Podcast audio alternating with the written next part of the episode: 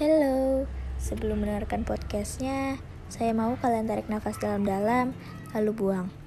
Pejamkan mata kalian dan ucapkan dalam hati, it's okay untuk hari ini, dan maaf kalau tubuh, hati, dan pikiran tidak baik-baik saja.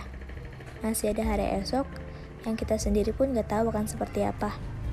By the way, selamat tahun baru ya. Oke, kita mulai. Jumat 31 Desember 2021 Hari terakhir untuk tahun ini. Terima kasih atas suka dukanya selama ini.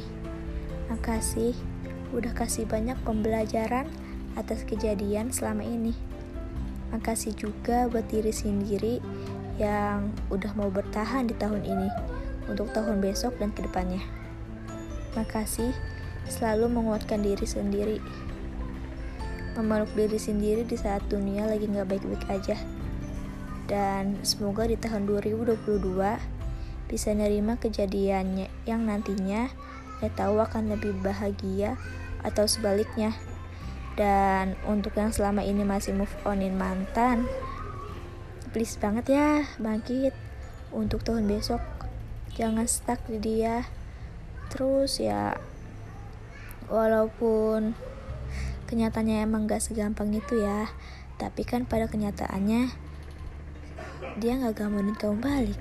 Di sini cuma kamu yang gamon ya pokoknya semoga di tahun 2022 2020 di tahun salah sorry di tahun 2022